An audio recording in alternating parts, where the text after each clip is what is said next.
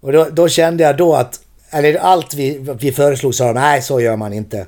Kan vi få med gitarrer? Nej, de är på fullt. Och redan då kände jag att jag måste nog lära mig det här själv. Jag vill inte jobba med en massa idioter som säger att inte det går.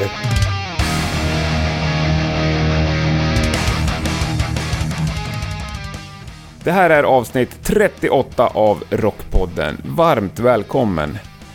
Idag ska vi träffa en herre som jag har försökt få tag på ungefär lika länge som jag haft den här podcasten.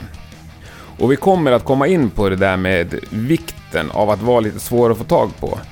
Men mannen jag till slut fick tag på är alltså ingen mindre än Chips Kisby. Jag vet inte om han behöver någon vidare presentation, men känner du att han behöver det så kan jag ju bara råda dig att fortsätta lyssna, för vi kommer komma in på mycket av det som han har pysslat med genom sin långa och minst sagt framgångsrika karriär. Så jag tycker vi kör igång. Det här är Rockpodden med mig Henke Branderyd. Chips Kisby är veckans gäst och jag önskar dig en god lyssning.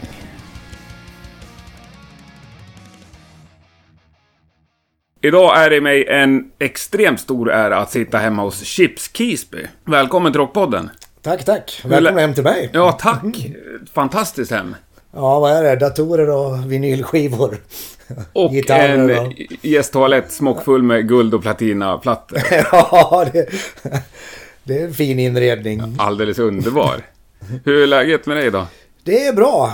Jag kom precis tillbaks från Göteborg. En session med Spiders. Jag håller på med ett album där. Mm. Så nu ska jag sitta hemma i veckan och gå igenom vad vi har gjort. Alla inspelningar? Ja, det är lite så man gör nu för tiden. Man öser in allt man kan. Så åker man hem och sorterar ut det. Ja. Så att, nej men än så länge, jag har börjat idag nu och det, det låter riktigt bra. Så att man är alltid lite nervös när man kommer hem och öppnar upp. Tänker, Ja. vad, vad var det vi gjorde egentligen? Ja, det kan jag tänka mig. Eh, Ja, det är men lite så kan jag känna mig när jag kommer hem med ett sånt där Ja, och- avsnitt och inspelat. se vad det vad, Ja. vad, vad blev det för Ja, något. vad pratar vi om egentligen? Ja. Men, är det ditt liv som producent? Det är så det ser ut nu för tiden? Ja, det är väl... eh, Vad ska man säga? Det är väl hälften Sator och hälften producent. Vi spelar ju väldigt mycket med Sator igen. Mm. Sen de, ja, de senaste 6-7 åren Mm. spelar vi ju typ nästan 100 spelningar om året. Är det så mycket? Ja, ja, det, det, vi spelar hela tiden, nästan varje helg. Shit. Så att, eh, jag tror inte det har varit mindre än 50-60 i något år. Så, så att, Är det i alla år det? Ja, de, se- sen vi började öka på igen, så våra barn blev stora och vi kunde börja turnera igen. Mm. Så äh, vi, är, vi är lika förvånade varje år. Så, åh, det kommer folk en sväng till. Ja, Så underbart. är helt underbart. Och nu har ni ju lite stora gig. Eller Sweden Rock och Gröna Lund. Och... Ja, ja, i år, det, i år är det ett sånt där år där vi kommer att spela extra mycket. Det Ja. är ju faktiskt 30 års jubileum sedan vi bytte namn och blev Sator. Ja. Att, Så att vi tänkte att i höst skulle vi göra någonting av det. Först tänkte vi att vi bara skulle hålla tyst. Ja. Att vi har hållit på så länge Ja. så att fan vi håller tyst. Försöka mörka det. Ja, men sen tänkte vi, nej men det är fan klart att vi ska fira det, alltså göra något. Så, så i höst gör vi en rejäl 30-års turné. Mm. Där vi liksom spelar från alla skivor typ. Lite, något urval liksom. Coolt. Blir det typ en klubbturné i Sverige eller? Ja, Ja. Mm. Eller har ni något mer land som ni är stora i? nej inte, inte längre ska jag säga. Vi är ner till Tyskland lite då och då. Vi ska till Spanien i höst och så men jag skulle nog säga att det är, det är nog mer för skojs skull än, Ja. än för inkomsternas skull. Ja. Så att, eh, så att eh, vi, var, vi var ju mycket framförallt i Tyskland förut. men Mm. Sen när vi fick barn då slutade vi turnera. Mm. Vet, vi... Ja, vi, best, vi fick barn samtidigt ungefär alla så att det var också ganska Ja, bra att, Lämpligt. att det var lämpligt att alla var överens om att vi inte ville missa Mm. våra barns uppväxt. Så då sa vi, ja, nu pausar vi lite. Så att vi, vi la aldrig ner. Men jag tror många tror att vi, har- att vi la av bara för att Mm. det var tyst. Men vi gjorde fortfarande ja, tre, fyra spelningar om året. Ja. Sådär som var så här, det här kan vi inte säga nej till nu. Åker vi ner till Spanien och dricker lite vin och, och spelar på en festival. Ja, det kan man ju det, kan, det kan man göra. Ja. man missar inte sina barns uppväxt bara för det. Nej, nej. Men Ni har inget... Eller spelar ni in saker fortfarande? Ja, vi gjorde ju en ny platta, men ja, nu börjar det bli... Ja, kan det vara fyra, fem år sedan den kom faktiskt. Så det vi håller på med nu, det är ju att försöka avsluta ett projekt som vi började med för 17 år sedan. Och det är ju Barbecue Killers volym 2. Som, vi gjorde en volym 1 1993 Jaha. med punk, ja bara outgivna punkcovers. Ja, det var väl bara amerikanskt på den. Och i och med att vi döpte den till volym 1 så sa vi men då måste vi göra en volym 2. Så vi började samla låtar till volym 2 redan då. Ja. Och sen har vi hållit på och spelat in lite då och då. Så här, nu har jag hittat en till. Då Ja, ja. spelar vi in den här. Mm. Och i höstas då så började jag fundera hur, hur 17 ligger det till med den där volym 2. Så jag gjorde en inventering på alla tejper och sånt Mm. och hittade 28 låtar som vi har spelat Då in. har ni ju nästan till volym 3 också. Så att eh, ja, jag, nu Ja. vet jag att det var, nu tänkte jag, så nu har jag sagt, vi gör klara alla de här 28. Ja. Sen får vi se om vi gör en väldigt bra volym till två. Mm. Eller om det blir volym två och tre på en gång. Eller, eller om det blir ett dubbelalbum. Eller, vi vet inte riktigt vad. Vi, vi får se vad som blir av det. Ja, Just nu kul. tycker jag det låter väldigt bra det jag har gått igenom. Och det är även om en del är inspelat liksom för 17 år sedan så är det punkrock. Det blir inte inaktuellt. Nej, Det låter det. ungefär Ja. lika och vi låter ungefär lika. Jag hör inte skillnad. Jag får titta på tejperna det- när de är inspelade. Ja. Så att, eh, och en del kommer jag inte ens ihåg. Man tittar och så står det 2001 så står det någonting. Jag har ingen minne av men jag hör ju att det är vi. Så att det är lite spännande. Mm. Det är otroligt roligt. Ja.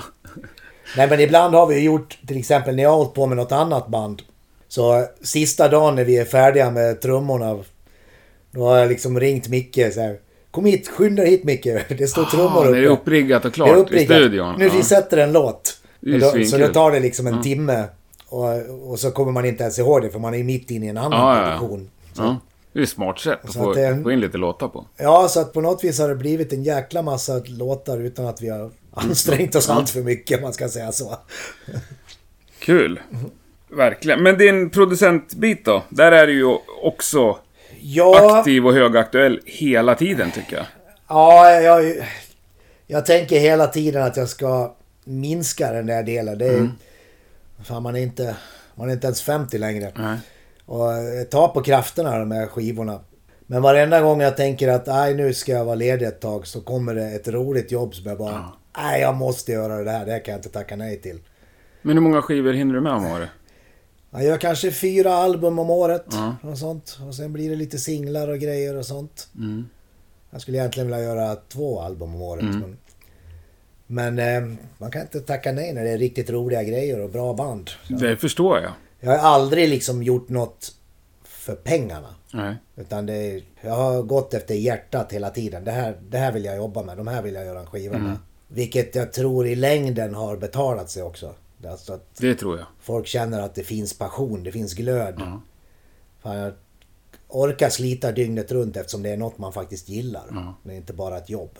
Ja. Och så blir det ju, med tanke på ditt namn och de plattor du har producerat, så blir det ju en kvalitetsstämpel. Ja, när man ser, till, man ser till, jag brukar säga det också, jag ser till att välja bra band för då behöver inte jag göra lika mycket. Nej, ja, Är det är de bra smart. i sig själv Ja. så, så nu- får, jag, får jag lite credit för det sen. Ja. Men hur många frå- frågor får du om tackar jag till fyra om året? 12, 13, 14, 15. Mm. Oftast spricker det ju på budget. Mm. Att det, man måste ge upp till någon viss nivå. Jag kan liksom inte spela in i replokalen och, och tro att, Nej. att det ska liksom bli lika bra. Så att det, det slutar med att antingen att jag får tacka nej, jag säger jag är ledsen, jag kan inte göra det. Kom tillbaks när ni har lite mer Mm. pengar. Eller att de gör det själva liksom. Ibland har jag liksom varit lite konsult och liksom säga, ja men jag är inte producent men ni kan fråga, ni kan skicka saker och fråga. Så, Ja, ja. fråga, det kan jag svara på. Mm. Bara gratis. Liksom det. Men om du bortser från pengar och budget, vad är det annars som avgör för dig vad du tackar ja till? det är ju kvaliteten på bandet. Ja. Hur, hur bra de är, hur mycket jag känner för det liksom. Det. Och när du säger hur bra de är, vad är det du lyssnar efter? Ja, först och främst låtarna och, och att de kan lira. Att det inte liksom blir ett räddningsprojekt. Att, eh, jag tackar ju all, i princip, ja jag har nog alltid tackat nej när de kommer med en halv inspelad skiva. Mm. Och oftast är det så här att det har inte riktigt blivit som de har tänkt sig. Så kommer de med en skiva som redan är nästan klar och vill att jag ska rädda den. Ja, ja. Och det är ju helt omöjligt. Ja. Jag gjorde någon sån grej i början och jag lärde mig att man jobbar jätte, jättemycket med de där grejerna och kämpar för att få upp det. Så får man upp det till helt okej. Och sen tycker alla att Fan synd, det, blev, det var, han var inte så bra. Det blev ju bara helt okej. De vet ju inte vad man utgick ifrån. Nej, nej, nej. Så därför har jag liksom såhär, nej, inga räddningsprojekt. Jag, säger, jag jobbar gär- gärna mer om vi börjar om från början. Mm. Och det är inte ofta, de har ju oftast redan bränt sin Ja, jo. budget. Det, Men eh, det har ju hänt med band att jag sen har gjort skivan efter med dem. mm. När vi har då börjat från början. Och När man har kontroll över, kan se till att allt är bra i alla led. Mm. Ja. Men... Ja, du vill ha en klassisk demo helt enkelt med några låtar på? Ja, och sen börjar man... Så när man kommer till studion så ska man ju veta vad man ska göra. Det kostar en jävla massa pengar att vara där. Så att jag har ju tillbringat ganska mycket tid i replokalen och gå igenom varenda en vad alla spelar, hur låtarna är. Är alla delar bra i låten? Jag säger som... Ja, en som ser det utifrån och ifrågasätter. Jag säger, är, är den här låten klar? För oftast när man har skrivit en låt, det gäller mig också, så är, är man liksom... Ja, okej, så här blev den. Synd att sticket blev så dåligt. Ja. Men man skriver inte om dem. Nej. Och då är jag den som kommer utifrån och säger Det där är bra, versen är bra, refrängen är bra, sticket är jättedåligt. Skriv ett nytt. Så det är inte så att jag ger dem ett nytt Nej, nej. stick. Utan jag ser till att de tänker, ifrågasätter låten lite. Men händer det att du plockar upp gitarren och känner efter? Om inte det kommer något, Ja. Så här, Ja. Men ni kanske kan göra så här. Ja. Och så ger ett förslag. Men jag försöker undvika, det ska ju vara bandets skiva. Ja. Men det måste ju vara svårt om du känner att du har en riktigt bra idé. Så borde du ju klia i fingrarna. Ja, det gör det. Ibland kan Ja. man inte vara tyst. Nej. Man säger, "Nej, jag tycker ni borde göra så här. Liksom. Och det kan jag tänka mig att många band uppskattar det. Banden har ju inget emot Nej. det egentligen. Det är jag som tycker att det är väl deras personlighet som måste fram Mm. först och främst. Så jag pushar dem för att, för att få dem så kreativa som möjligt. Mm. Tar om vägar de kan tänka på, nya sätt. Eller tar om vad de ska lyssna på. Lyssna på det här, lyssna hur Mm. de har gjort. Det här bandet till exempel. Och då startar det upp deras egen kreativitet men det blir fortfarande deras idéer. Det kan bli lite låtskrivarskola nästan ibland. Så här. Tänk, tänk igenom hur ni gör. Sätt den i rätt tonart för sången. Strunta i om riffet blir svårare att spela. Lyssna inte på gitarristen, lyssna på sångaren. Det är sången som är det viktigaste. Det, det händer ju ganska ofta. Men det låter som att du ändå har en äkta passion för liksom unga, små band. Det är ju roligt för man får ju liksom... Ja, jag får ju input då också. Att man kan tillföra någonting. Ja. Och man kan faktiskt hjälpa dem framåt. Ja. Jag önskar att någon hade hjälpt oss de första Ja. åren. Så att vi... Nu fick vi gå den långa vägen och skriva 500 urusla låtar. Innan vi kom fram till vettiga låtar. Ja. Så att eh, man kan spara lite tid åt dem. Ja. Band kan inte växa fram sakta på samma sätt längre. Heller som vi gjorde. Vi hade ju de här musikföreningarna vi kunde åka runt Mm. på. Och spela för 20 pers i flera år. Mm. Och ändå fick man komma tillbaks året efter därför att du hade supit med arrangörerna och bott hemma hos dem och käkat frukost och blivit goda vänner. Mm. Och de gick på något kommunbidrag. så det så här, ja det gick back. Men vi, vi, syns, vi syns nästa år. Så att, och det, men det, så är det ju inte nu. Nu är det mer att det är andra typer av arrangörer som måste gå med vinst.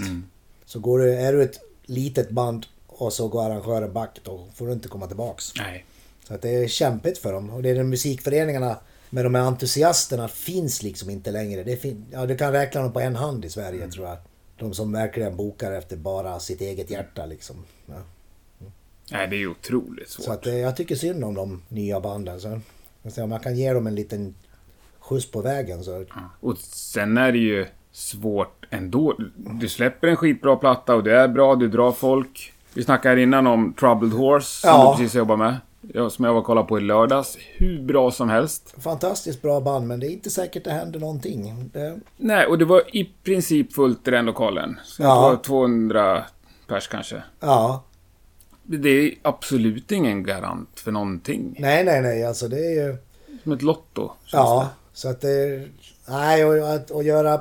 Det räcker absolut inte att göra en bra skiva. Det, Nej. det har jag lärt mig. Mycket av det jag har gjort har ju gått bra. Mm. Men det finns också ganska många skivor jag har gjort som har blivit fantastiskt bra, men det har inte hänt någonting. Det bara blev tyst.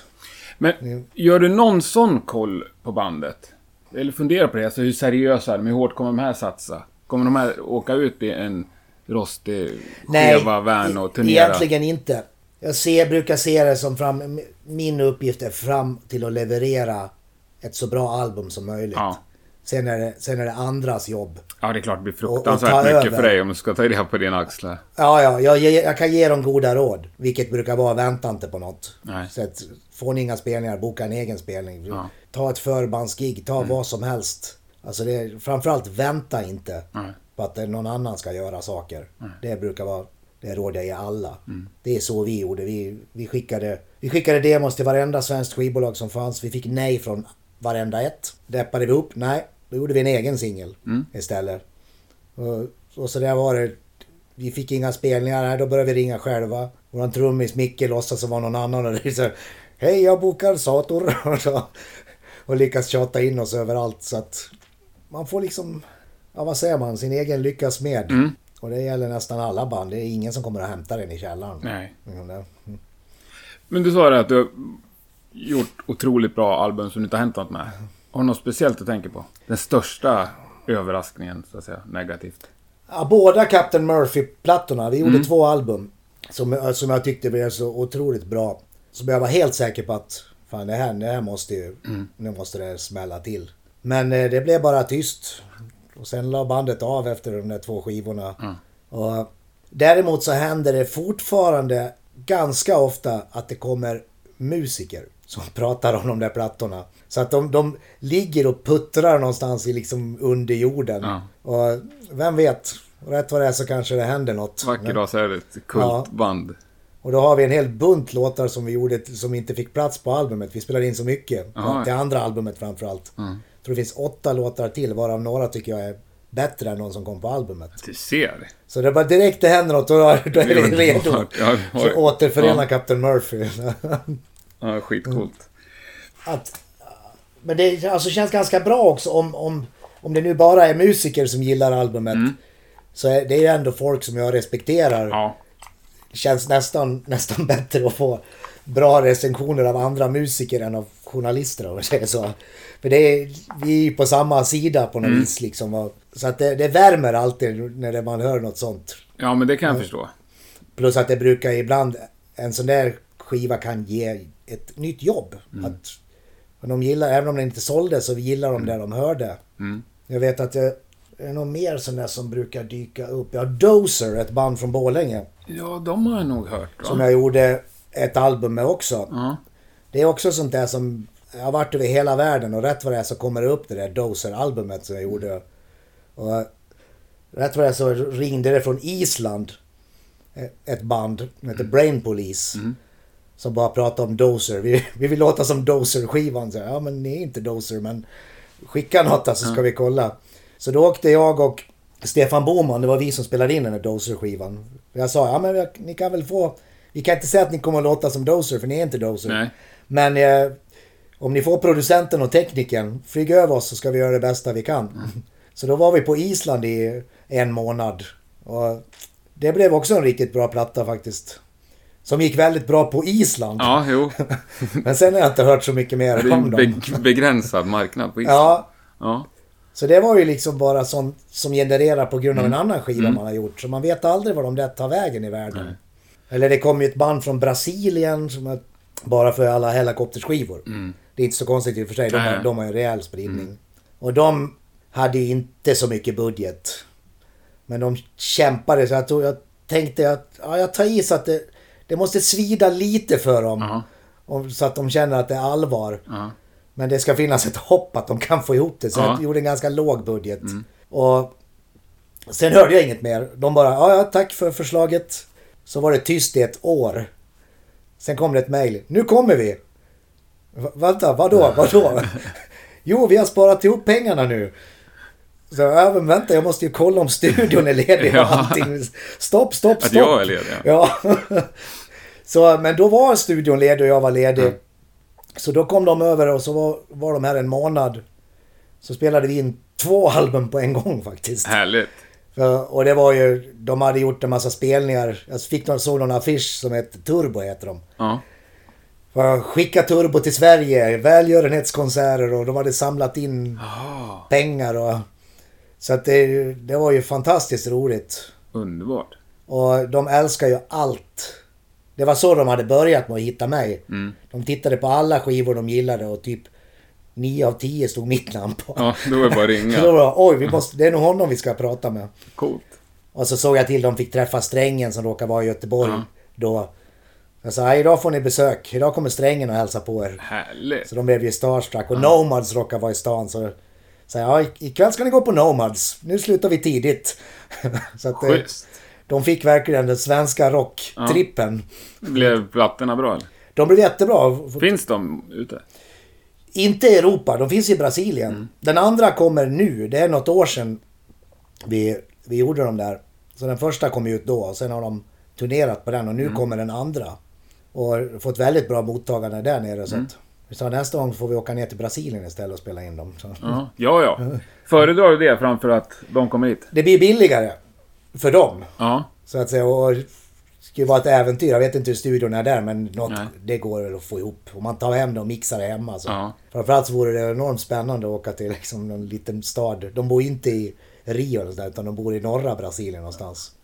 Och så Ja. man kunde få upp en plats. Ja, jag får magkittel av bara tanken på ja. Åka dit och hänga en månad. Ja. Underbart. Men nu, hur hamnar du i producentfacket? Ja, egentligen var det aldrig något liksom karriärval så. Men redan när vi gjorde, långt innan Sator, det var ju med ett band som hette Brylboys 1980. Och vi åkte ner till Stockholm och skulle göra en singel. Och de var så jävla snobbiga mot oss när vi kom ner och fnös mot våra grejer och tyckte vi var, de tyckte vi var så jävla dåliga. Vi var inte så jävla bra heller men det behöver de liksom inte trycka i ansiktet på en. Och när vi tog upp vår distpedalen så var de sa ja, jag sa ni Avesta Forsens brus med er? Och, och då, då kände jag då att, eller allt vi, vi föreslog sa de, nej så gör man inte. Kan vi få med gitarrer? Nej, de är på fullt. Och redan då kände jag att jag måste nog lära mig det här själv. Jag vill inte jobba med massa idioter som säger att inte det går. Så, så då började jag ju att försöka lära mig så mycket som möjligt om inspelning. Men det var ju för eget Mm. bruk. Vilket jag hade nytta av det vi gjorde Sator-skivorna. Sen kom ett band som heter Psychotic Youth. Mm? Som eh, han, Jörgen Westman där ri- ringde mig och sa vill du, vill du producera oss? Jag tänkte, vad producera? Någon annan? Fan det är ju jättekonstigt. Men jag hade varit tekniker i studio och sånt så jag hade jobbat med andra. Så jag sa ja absolut, det kan jag väl göra. Och så blev det en bra platta. Och då kom Nomads som gillade soundet på Psychotic Youth och frågade mig. Och det är klart man säger ja till Nomads. Ja. Och sen har det liksom fortsatt sådär. Sen kom Helicopters och- på grund av de här skivorna man har gjort. Och sen kom en miljon ba- band på grund av Helicopters. Ja. Och sen gjorde jag Crucified Barbara och vilket gjorde att det ledde till andra. Så på något vis har jag haft lite tur att när det har kommit en ny generation så har de gillat den generationen innan. Och, så jag har liksom klarat mig i flera steg. Så att det, jag menar, det brukar ju vara en tidsfråga innan det kommer nya namn. Man, man blir ute helt enkelt. Nej, men det är ju det som jag tycker är fascinerande med att, dig. Att du är aktuell alltid. De som vi nämnde, Troubled Horse, jag vet du har spelat in med Greybeards. ja, Gävle. precis. Ja. Också unga. Ja, det, det håller vi på med. Det ska vi väl göra ett album så småningom. Så Ja. Att, eh, ja, nej, jag tror att det, det är två faktorer. Dels har jag haft tur. Mm. Att det är rätt band har frågat mig. De, har blivit, de banden har blivit stora och framgångsrika. Mm. Och sen är det ju att jag har haft passion för det hela tiden. Mm. Jag ger ju allt, kämpar så mycket det går. Allt för skivans skull. Mm. Om det så är att manipulera, ljuga för bandet för att det ska bli, skivan ska bli bättre. Så, så får jag väl göra det då. Typ vadå, ljuga? Ja, man eh, manipulerar lite bara. Allt, allt. Jag, säger, jag brukar säga, säga att jag är liksom inte anställd av skivbolaget, jag är inte anställd av bandet, jag är anställd av skivan. Ja. Det är skivan. Whatever it takes. För Ja. att få den så bra som möjligt. Om jag ska skälla på dem för att det ska bli bättre, då gör jag det. Ja. Vill de ha beröm, då gör jag det. Det är, det är, liksom, det är lite mind games. Ja. Så Du får lite terapeut, alltså känna av lite vad som... känna av Ja. hur man får dem att prestera Mm. så bra som möjligt. Men, men det är väl som en, det är väl som en hockeytränare eller... Ja. Ska de ha en utskällning i omklädningsrummet eller ska man säga nu, bra grabbar, det ser bra ut. Mm. Det får man känna av. Så att, eh, får man lära sig vad de tycker om och så får man lära sig vad de inte tycker om. Ja, får man prova sig fram lite första Man kan veckan. alltid få bort ett dåligt stick genom att säga det här New Order-sticket, är det bra det? Eller typ. Ja, lågt. Det är lågt ja. men, det- men det funkar. Men vad menar du med att ljuga? Det såg ut som du hade något exempel på den. ja men typ, typ sådär. Ja. Att jag, jag vet ju att om vi inte gillar... Nu tog jag bara New Order Ja. som ett exempel. För säger man rätt namn åt fel håll så Ja, funkar det ja. också. Ja, det är underbart. Vilket är det bästa band du har producerat? Nej, det går ju inte. Det förstår jag nästan, men om du måste. En av de viktigaste är ju Hellacopters Mm. utan tvekan. Det, det ju- gjorde sån enorm impact. Däremot kanske de allra viktigaste Hellacopters skivorna är väl egentligen om den, kanske den första. Den gjorde ju inte jag. Mm. Nej. Men eh, den fick sån enorm genomslagskraft. Alltså över en natt. Jag har alltid fått väldigt mycket demos. Mm. Innan det lät 9 av 10 som Popsicle. Över en natt låter 10 av 10 som Hellacopters. Så att det är enorm betydelse för svenskt musikliv. Är Ja, en, verkligen. en hel musikgeneration där som... Men de hade ju inte blivit lika stora om de hade fortsatt och gjort plattor som lät som den första. Den är Nej. ju brutal. Och Nicke ville ju... Ja, inte bara Nicke utan hela bandet ville ju utvecklas. Och då var jag ett hjälp. Så, ja, okej, men då kan ni göra så här. De, vi snackade väldigt mycket innan de spelade upp skivor. Så här, typ att det här gillar vi. Och så sa jag, ja, men om ni vill låta, om ni vill göra en sån skiva då måste vi jobba på det här sättet. Då kan ni inte bara spela in den på 24 timmar och Nej. live i studion. Utan då måste vi peta lite mer. Och, och vi måste ha lite körer. De hade inte körer innan. Men allting de spelade upp var det jättemycket körer på. Så ja, men då gör vi körer. Och Nicke Andersson är ju en väldigt bra elev. Han snappade ju upp allt som vi pratade om och allt sånt. Så att för varje skiva som vi gjorde så var det mer och mer färdigt demosarna när de kom. För Nicke sa, ja men jag har tagit bort redan nu. Jag vet att du skulle ändå ta bort den här. Du skulle Ja. korta slutet så jag har redan gjort det. Ja, skönt. så ehm, nu klarar han sig själv. Ja. Ja, ja, nu producerar han många bra band också. Ja, precis. Men det, är- det är okej. Jag har liksom inte någon... Jag är inte så att jag liksom håller tricksen hemligt. Liksom det, Nej, nu är jag dålig på citat, men vem var som sa det? Att framgång... Du har ju nått framgång när din elev kan lära ut det du har lärt den. Ja, det är precis. Ja. Och, och då känns det som, ja men nu är vi, nu är vi färdiga. Nu Mm. klarar du det själv. Man, man ska inte göra allt för många skivor ihop heller. Till slut blir det lite risk att det liksom blir lite slentrian. Mm. Man gör det som man, man alltid har gjort. Har du tackat nej till någon på grund av det? Nej. det har jag faktiskt inte. Men eh, jag, jag har ibland känt att så här, borde, borde jag tacka nej nu? Så jag bara, nej men hur fan ska jag kunna göra det här? Det är ju skitroligt och, vi, och jag gillar det här bandet. Äh, vi provar en gång till. Ja. Och det har, vi har aldrig nått fram till att...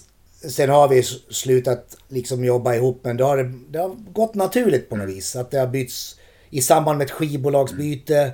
Eller något sånt där så har man liksom, ja men okej nu pausar vi.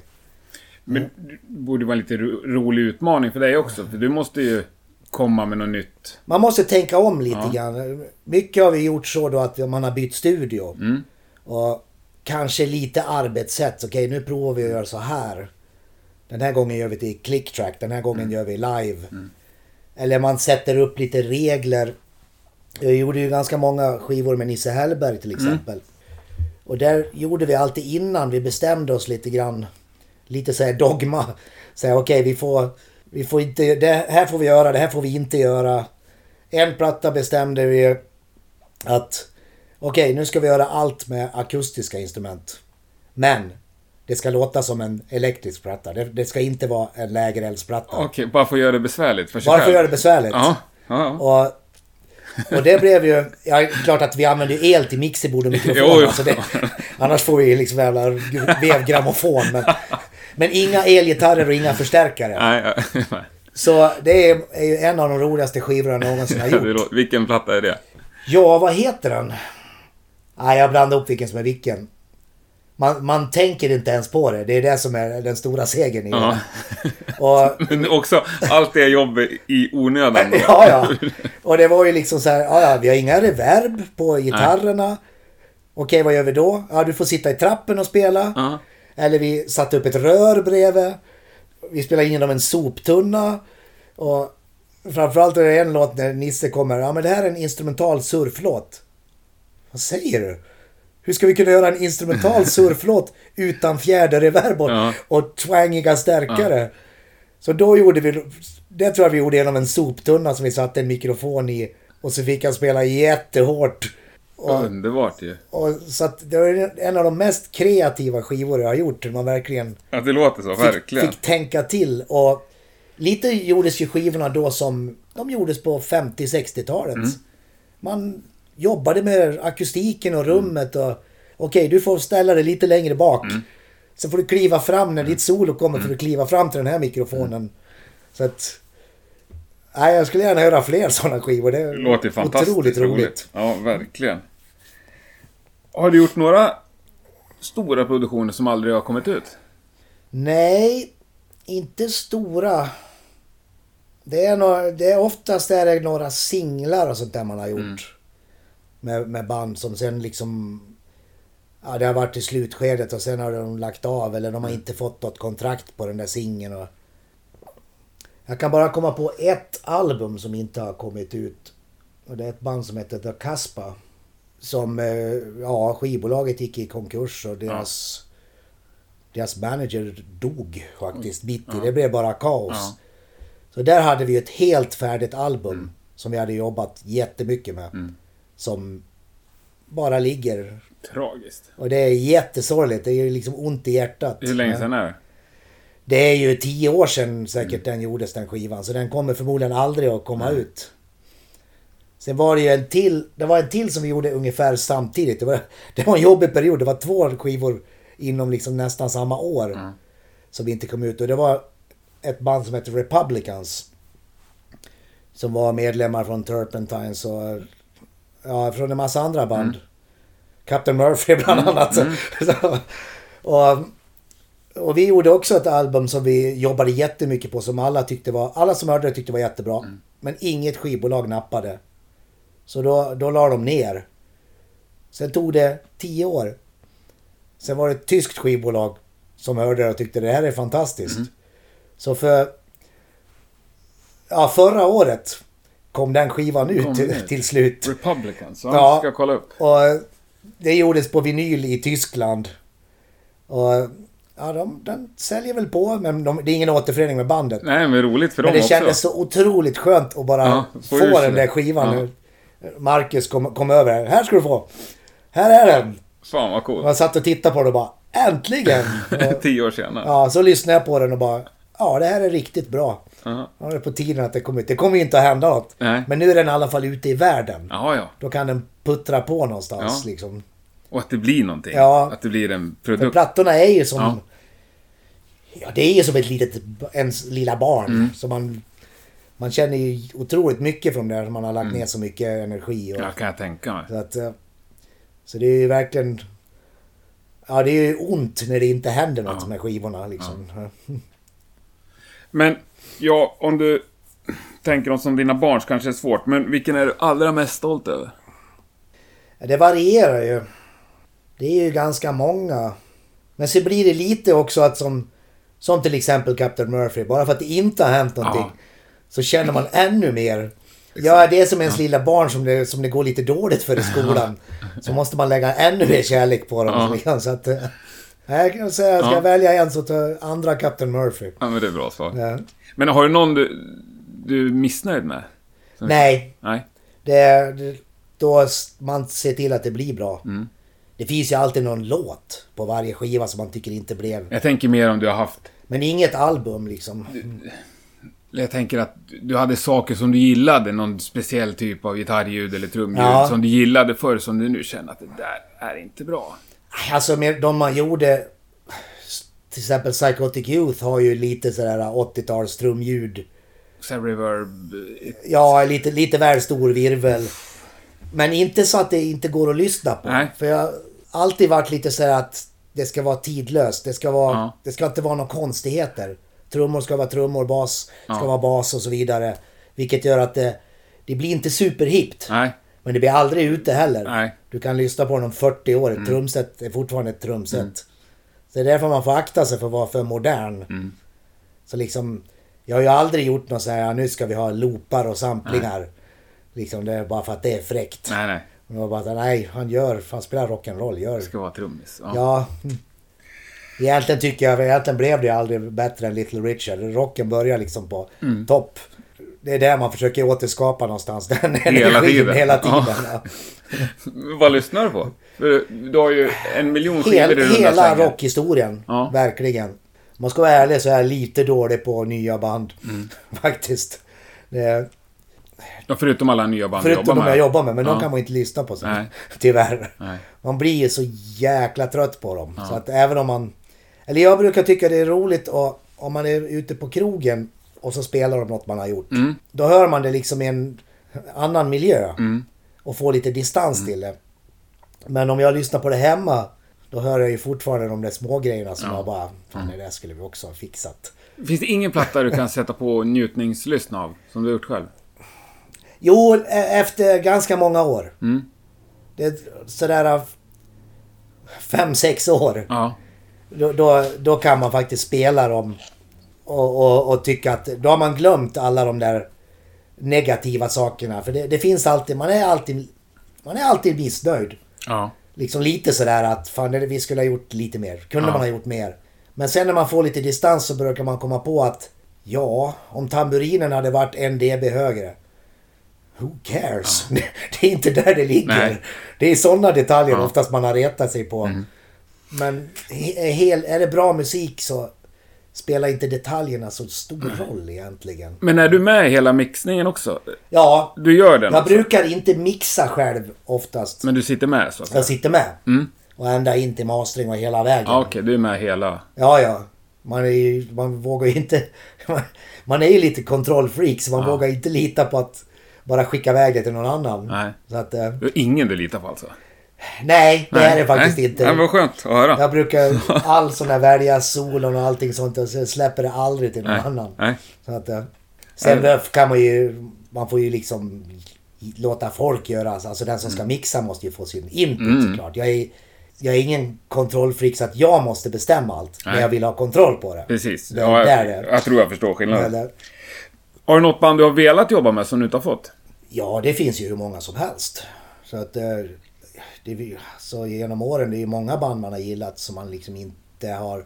Både svenska och utländska som... Ja, man har inte träffat varandra eller... Nej. De har en team de jobbar med. Men söker du ibland aktivt? Alltså, Aldrig. aldrig? Nej.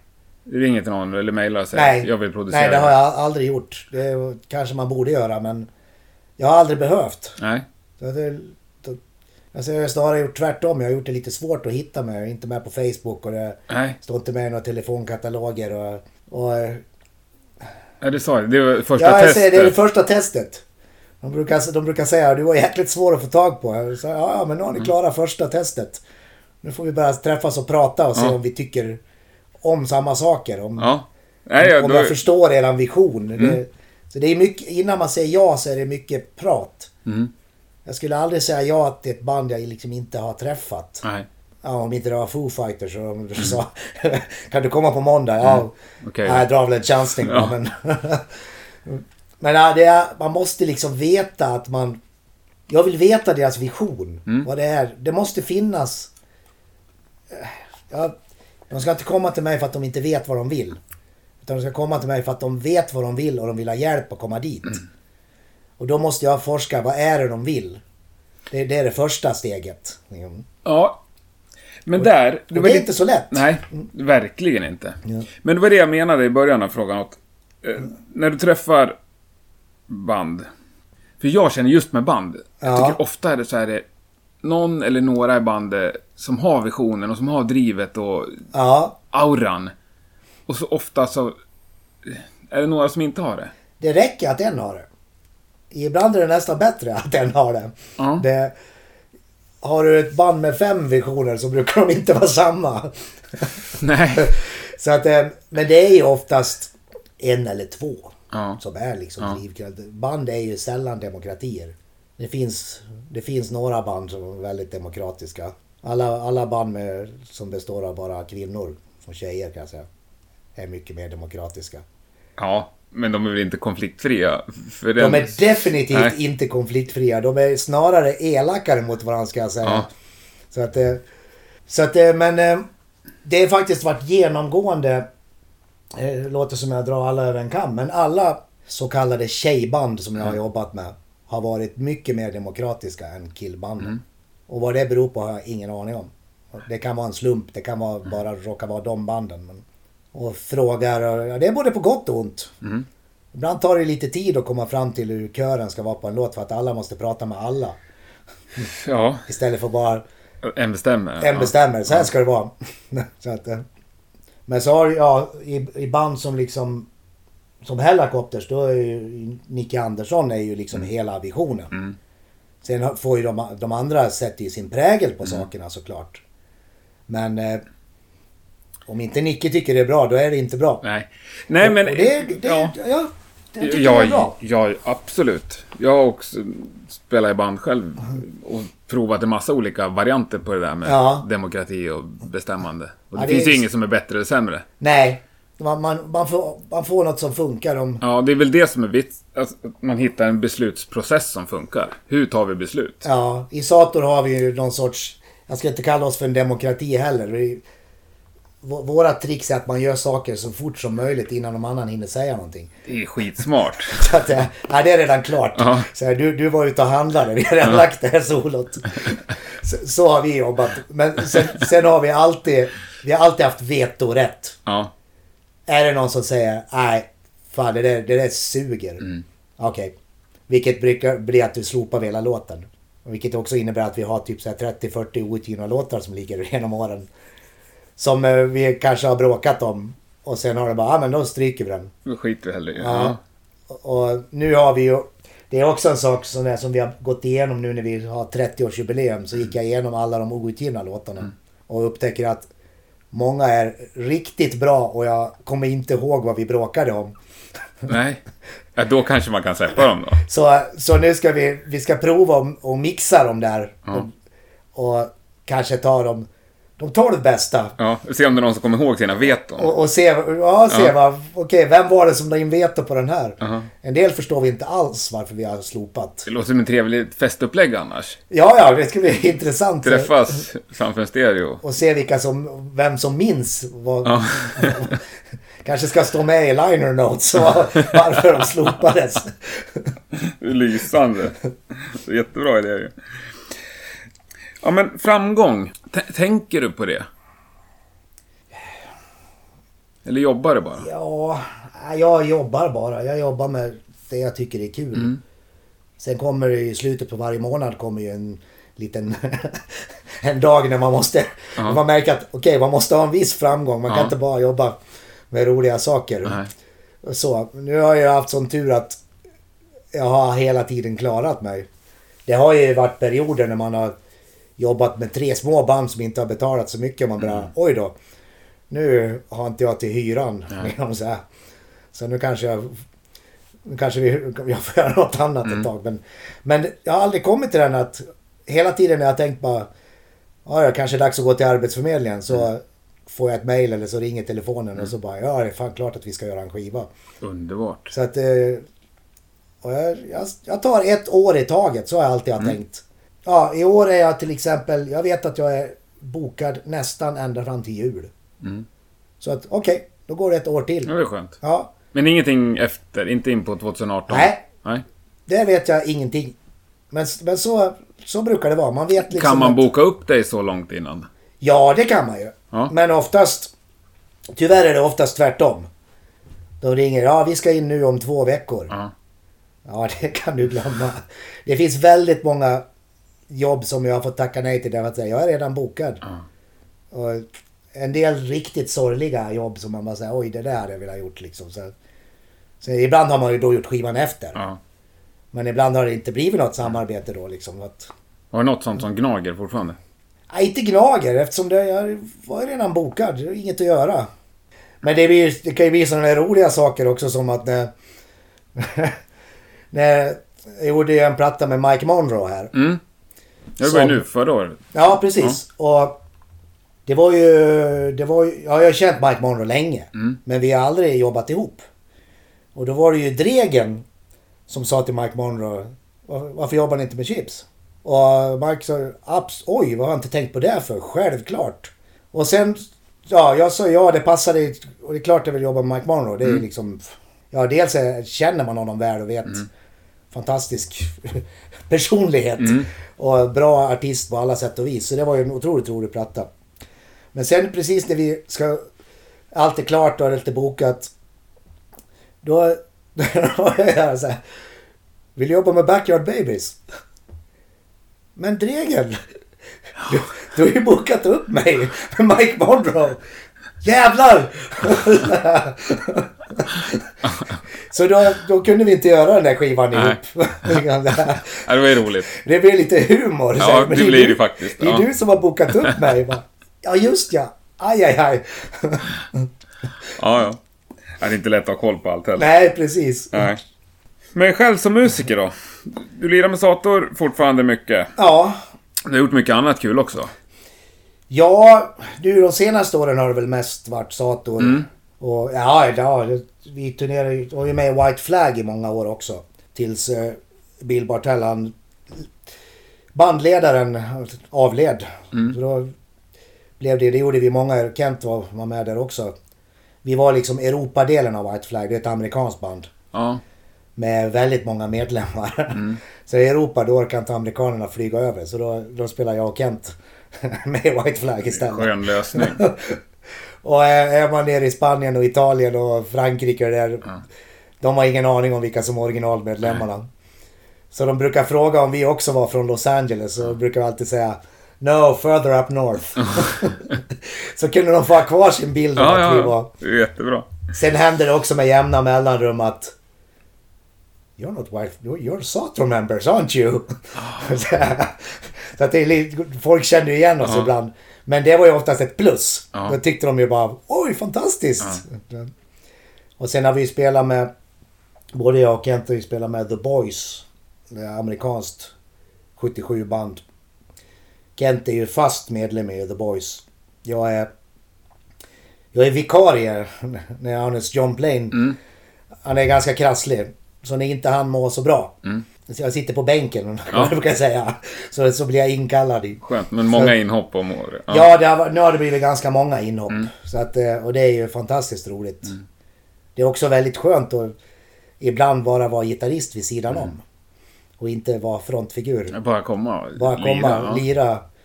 Jag behöver inte, Du jag behöver inte säga, jag behöver inte prata med publiken. Jag behöver bara göra mitt. Ja.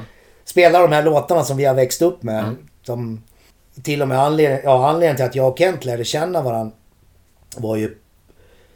För Kent flyttade till Borlänge mitt under punktiden. Han kom från Östersund till Borlänge 78, 79 Mm. eller vad det var.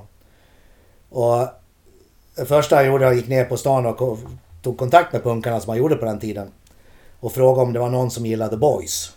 Och bara, "Nja, det var inte så många som kände till Boys. Chips gillar Boys, han har en badge till och med. Så så började jag och Kent prata. Underbart. Och sen att vi liksom 30 år senare, eller 35 år senare vad det blir, Lira med lirar med Boys är ju som en jävla saga. Ja, det är helt fantastiskt. Och, och, det, och det är inte nog med det. Det är också så att deras trummis är från Malung. Är det sant? Samma punkgäng som vi. Så vi är tre stycken från samma punkgäng i, i, Bål, i Ja, Dalarna. Ja, ja. Som spelar i The Boys. Så det är tre originalmedlemmar Ja. och tre dalmasar. Svincoolt. Så vi brukar ju säga till varandra varenda gig innan vi går på så brukar vi, vi tre titta på honom och säga det kunde man aldrig tro. Nej. Nej. och så gör vi tummen upp och går på. På fritidsgården Ja. 79. Det gör vi varenda gig. Ja. ja, det är bra. Bra grej. Eh, med Thåström lirar ju med skitlänge. Ja, början på 2000-talet var ju jag och Heikki, sångaren och basisten, Mm. var ju med på tre eller fyra turnéer och Mm. två album tror jag också. Så att det, det var ju också fantastiskt roliga Mm. spelningar. Särskilt eftersom han spelade ganska mycket gammalt då. Mm. Jag vill ju spela Ebba Grön-låtar. Det, det är skitkul. Jag vet att han inte vill göra det jämt.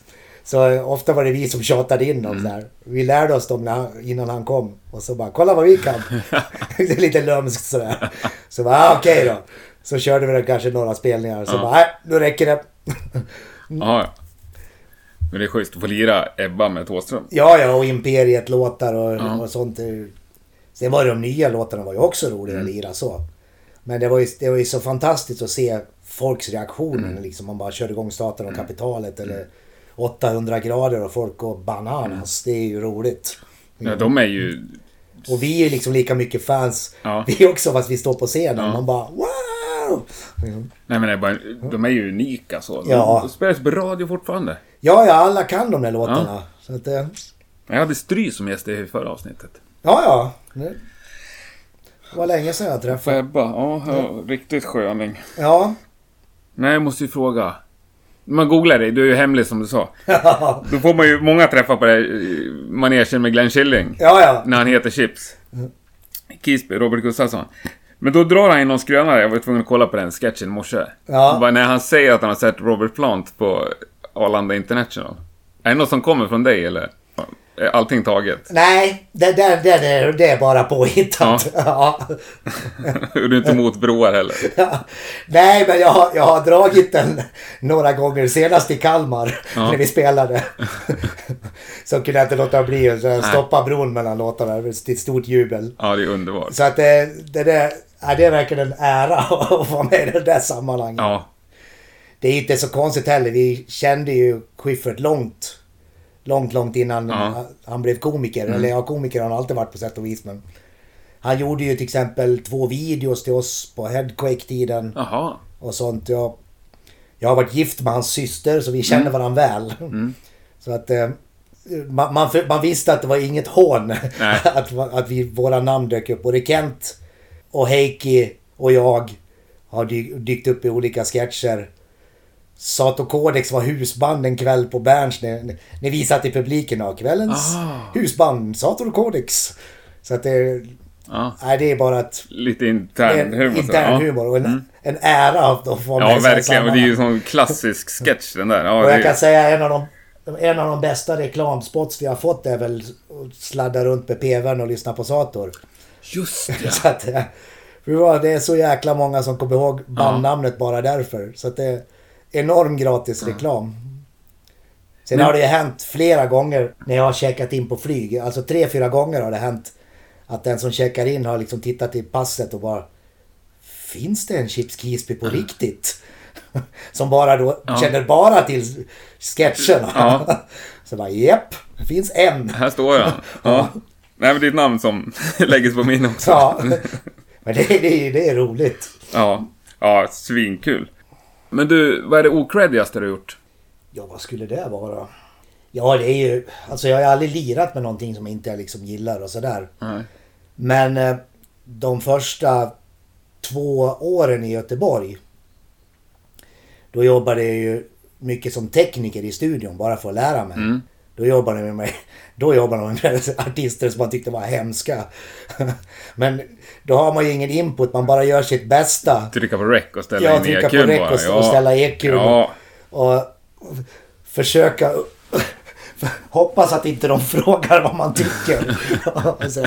För jag gillar inte att ljuga. nej. Men jag klarar mig ganska bra. Jag slingrar mig ur det. Men då var det oftast ibland som jag bara kände, åh herregud vilken lång dag. Ja, ja. Jag tänker inte säga några namn. Nej, det behöver du inte göra. Men det var en väldigt nyttig skola. Mm. Att lära sig spela in mycket olika saker och, och lära sig hantera folk också. Mm. Alltså, det var alltså, band som var asjobbiga. Som Mm. man ändå lärde sig liksom hur man får bra stämning Mm. i studion. Ett skämt på rätt ställe kan rädda en hel dag. Mm. När det är så jäkla tryckt stämning och så att liksom folk ska börja slåss. Mm. Så kommer man med rätt typ av skämt så bara släpper allting. Så, sånt fick man lära sig de första två åren när man bara försökte rädda Ja, inspelningssessioner. nog så viktigt. Så att, eh, och det har man ju haft nytta av sen. Mm. Liksom. För det kan ju bli, det är ju väldigt intensivt. Ja, Så om man är trött, man har sovit lite. Man kan bli sjukt irriterade på varandra. ja det kan jag tänka mig. Och Och- pressa tidsschema Pressa och budget och... tidsschema. Ja. Så att man har ju fräst Mm. åt varandra. Men inget som man liksom inte sen... Ja, sorry. Liksom det, det går över. Liksom det, det är inget personligt. Utan man är, man är pressad och man tycker inte riktigt lika. Men vad är det största misstag någon kan göra i studion? Jag tror det är ju att, att tro att det är ens egen skiva. Man måste alltid... Alltså, både för att... Som jag sa tidigare, att, alltså att bandet måste sätta sin prägel på det. Men också för din egen skull. Att i slutändan kan du faktiskt, om du tycker att det här beslutet är helt fel. Det är fel låt på skivan. Den andra borde ha varit med. I slutändan så kan man släppa det. Man bara, ja ja. Men det är inte min skiva. Nej. Det är bandets skiva. Det är deras beslut. Ja, nu menar du ditt misstag alltså? Ja, Jag tänker på Och- en, en musiker. Ja, det är väl att inte lyssna på råd utifrån.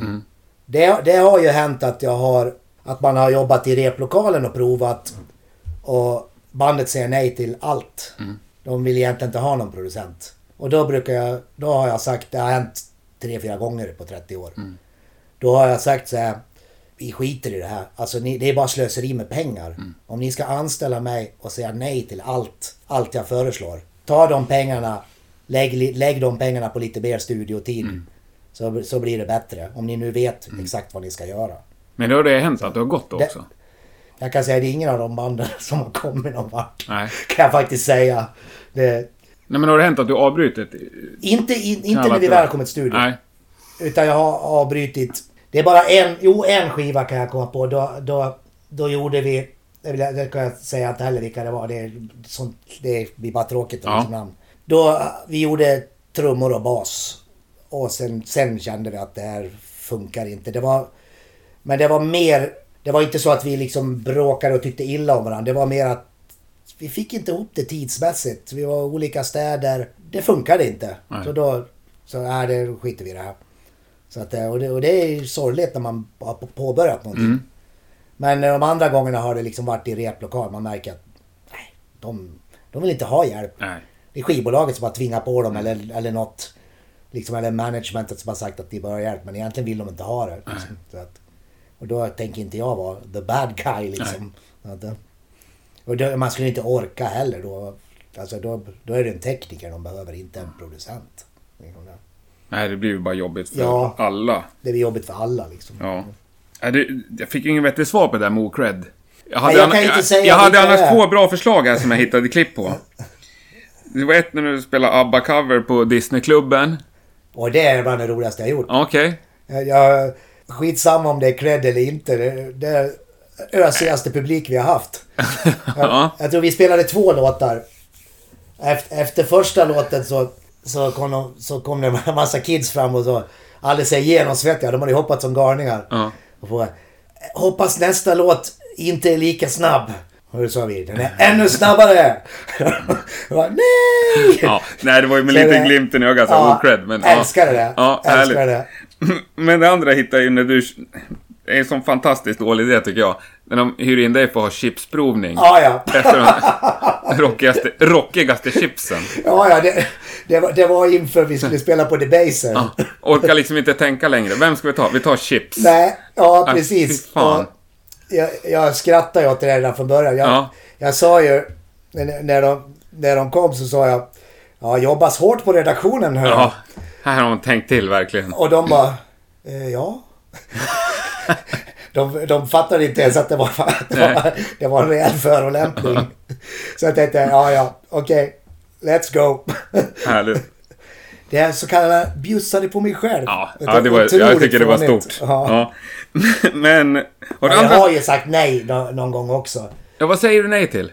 Ja, men det var någon gång, jag vet på 90-talet där, då, då skulle, det var så otroligt mycket intervjuer Mm. hela tiden. Man började bli trött på sin, på sin egen röst och allting. Och så var det någon av de här kvällstidningarna, så de ville inte göra en intervju för de tyckte vi har sagt så mycket. Ja. Så de ville att vi skulle åka ut och fiska. Att det skulle vara reportaget. Ja. Och vi har ju en i bandet som fiskar. Så han tyckte det var kanon. Jag metar med morsan och ungarna en gång, en dag varje sommar. Ja. Jag är inte det minsta intresserad av fiska. Så jag sa bara, eh, jag vägrar. Alltså antingen gör vi en intervju om musik eller så, så skiter vi i det. Och då ställde den där kvällstidningen in. Då blev det ingen intervju på den här skivan. Nej. Och sen skrev de inte om oss på två år. Ja, de blev griniga. att vi tackade nej. Till att fiska. Ja. Ja. Jag tyckte bara, jag orkar inte fjanta. Vi, vi har gjort en skiva, vi pr- pratar musik om ni vill, annars får det vara. Ja. Så och jag säger nej ibland till Mm. sånt där och vissa, ja, även vissa så här sponsorgrejer som man bara, nej, jag vill inte ha med det att göra. Nej. Jag kan till exempel säga, nu är det väl, jag vet att vi fick inte prata om det en gång i tiden, men nu är det, har det gått så långt. Också 90-talet så ville de ha en Sator-låt till att sälja JAS-plan. Oj! Och Men här låter det som det finns budget bakom. ja, det fanns budget. Och allting. Och det, ja, det skulle inte gå på TV såklart. Nej. det- Utan det skulle ju vara att det är en film som ska gå runt i hela världen. Ja. Och vi var inte helt överens i bandet ska jag säga. Nej. Men eh, några av oss totalvägrade. Vi kan liksom Mm. inte jobba, ge en låt till försvarsindustrin. Nej. Till krigsindustrin ska jag säga snarare. Det, det går inte. Jag vill inte ens veta vad, ni, vad de betalar. Nej. Och säg inte att jag får åka ett JAS-plan för då kommer jag säga ja. Ja. Så, så vi tackade nej till slut. Men, Och, och blev lite osams inom bandet. men du fick aldrig reda på vad ni skulle ha fått betalt heller? Nej, jag vet att det var mycket. Ja. Jag vet sen att ett annat band tog det där jobbet. Ace of Base. Se och där. sen fick de skit i, i tidningarna. Ja, ja. Så då blev det lite att jag visade dem som bara, kolla! Det kommer visst ut. Men de åker fortfarande, kanske inte JAS-plan, men helikopter i alla fall. Ja, ja. Men jag hade gärna åkt med ett JAS-plan. Ja. Men jag kan inte liksom med gott samvete säga, ja vi, håller vi hjälper krigsindustrin. Men Det- det skulle du liksom inte. skriva en, specialskriva en låt också? Jag tror att det var en låt de ville ha.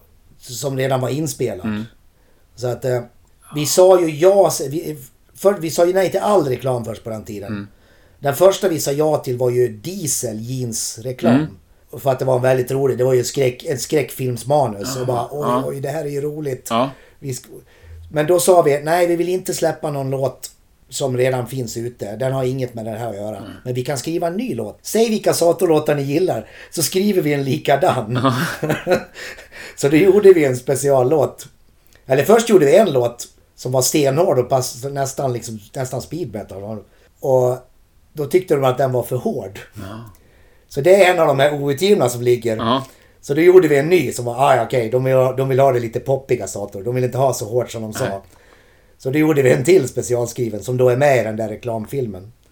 Och så gjorde vi hela, vi fick göra hela ljudläggningen med så här hur monstret låter och Coolt. där det krafsar genom träsket. Och jätteroligt jobb.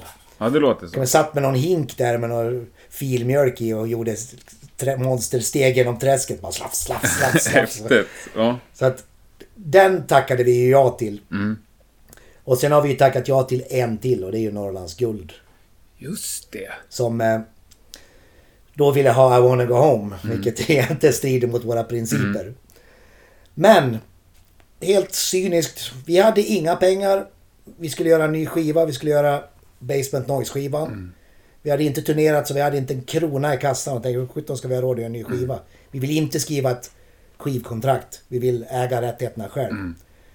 Och då när de kommer och erbjuder, och man ser, om vi säger ja till det här och är en dag ute på Lidingö och filmar. Mm. Vi får vara oss själva, det är inget fjant. Vi står och mimar till våran egen låt. Ja, vi spelade in den igen. Gjorde vi faktiskt. Så, så lika vi kunde eftersom vi inte ville köpa loss rättigheterna från Warner. Jaha, så det är en ny inspelning? Ja. Ja, så vi tog alla, vi tog samma studio, samma grejer, allting och gjorde en kopia på, på den första. Vi kom ihåg precis vad vi hade Ja, haft. ja, ja. ja. Så den låter lika men det är inte samma. Och i ett svep, eh, en dags, eller tre dagars arbete, Mm. så hade vi pengar att göra ett helt album för. Ja, det kan det ju vara värt. Så att det var det bara, okej, nu skiter vi i punkidealen. Nu. Ja. Och en... Det är en, bärs. Ja, det är inte så kontroversiellt heller. Nej, det, De, de det, flesta nyttjar det ju. Ja, precis. Ja.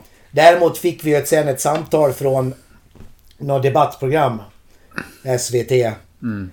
som ville att vi skulle förklara, eller försvara varför vi gjorde reklam för alkohol. Ah, herregud. Och då tackade jag artigt nej. Vad var det jag skrev? Tack för erbjudandet. Vi tackar nej. Om ni vill prata svensk alkoholpolitik så får ni prata med den folkvalda regeringen.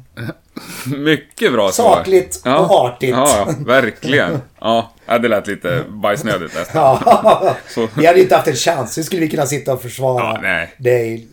det? Blir som när anti-hårdrocksprogrammet där Tengner skulle Ja. sitta och försvara sig. Jag Ja. såg det framför mig. Liksom. Ja. Nej, det var nog bra gjort. Gör du någonting mer än musik i ditt liv? Nej. Ly- lyssnar på musik och spelar musik och gör musik. Det, jag hade någon idé för en massa år sedan att jag skulle skaffa en hobby. Jag kan inte bara göra det här hela tiden. Nej. Jag kommer bli knäpp i huvudet. Så då fick jag för mig att jag skulle börja dyka. Men! Det visade sig att jag hade för trånga hörselgångar. Jaha, ja. Så jag kunde inte dyka. Nej. Vilket förmodligen gör att jag har räddat mig från tinnitus. Jag har Ja, jag ingen tänkte säga tinnitus. det är nästan ironiskt att det är just hörseln. Ja, Ja. så jag kände bara, okej jag fattar. Jag är genetiskt gjord för att hålla på med musik. Jag ska inte göra något annat. Så Du då- tog det då som ett tecken, ja. Ja. då gav jag upp. Ja, underbart. Nej, men vad härligt. Vad ser du mest fram emot? Framtiden? Ja, just nu ser jag fram emot att vi är färdiga med Spiders-skivan och att de levererar masterna. Mm. Och Zoo-party-skiva som jag håller på med samtidigt. Som Mhm. vi har hållit på med i ett och ett halvt år. Mm. Som nu är inne i sluttampen. Det är alltid så skönt när man rensar hårddisken. Ja. Och så här, kastar bort alla tagningar vi inte skulle ha och bara ha bara kvar det, det mixade färdiga. Mm. Det är alltid en väldigt skön känsla. Så det, det längtar jag till nu. Mm. Och sen, fram, och sen till höstturnén. Mm. För visst, det är roligt att göra skivor men det är ännu roligare att spela live. Det, är ju, Ja. det var ju faktiskt därför man började med musik. Ja. Det var för att spela. Och så en liten festivalsommar däremellan. Ja, så att eh, Sweden Rock blir ju väldigt spännande också. Peace and Love. Borlänge alltid.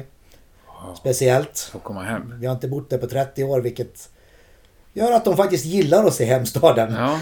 Det är lite spännande när vi kommer hem. Men ni är väl ganska förknippad med Borlänge också? Jag tror att, Ja, det står ju fortfarande Borlänge band. jag tror att väldigt många vet att ni är från Borlänge. Ja, ja.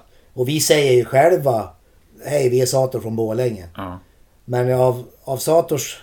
Sator har aldrig funnits i Borlänge, faktiskt är det. Aldrig ens repat i Borlänge. Nej, Sator Codex som vi hette innan. Ja. De första... Fem, de första fem åren av Sator Codex historia är Borlänge. Mm. Sen flyttade vi till Göteborg.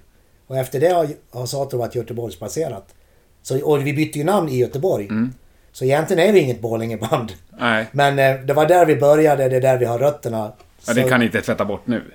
Nej, och jag Nej. kan inte säga att vi är ett Göteborgsband. Det, Nej, det låter- det låter jättekonstigt. Ja. Så att vi är, vi är ett Borlängeband fortfarande. Det kan det ska vara. Ja, Stort tack säger jag. tack själv. Mm. Fruktansvärt trevligt att få komma hem till dig en förmiddag. Ja, Ja. träd och allt. Och...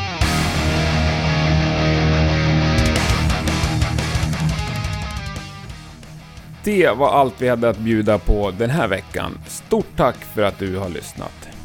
Om du är en nytillkommen lyssnare av Rockpodden så skulle jag ju vilja tipsa dig om att kolla upp de gamla avsnitten.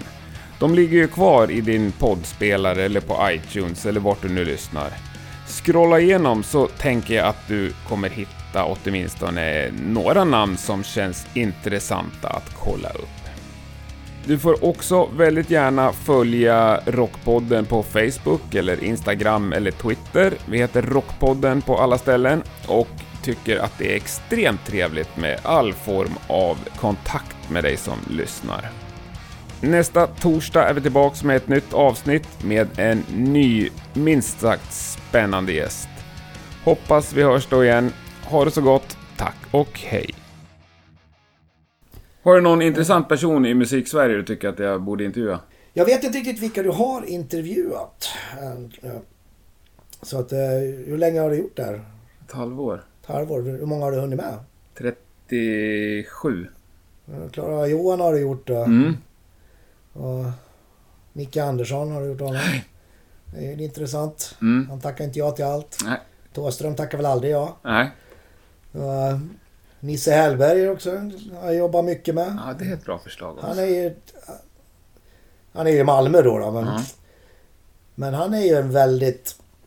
Ja, det är fantastiskt att jobba med honom för han har verkligen en stark vision hela tiden vad han vill. Mm. Och det är så många gånger vi har suttit och studerat hans hemmademos och bara... Jaha, vänta, här hade, här hade du något. Hur sjutton gjorde du här? Nu vi, det här bör vi försöka göra likadant som, för det där var riktigt bra. Så att det Eh, intressant person. Ja, det är ett bra förslag.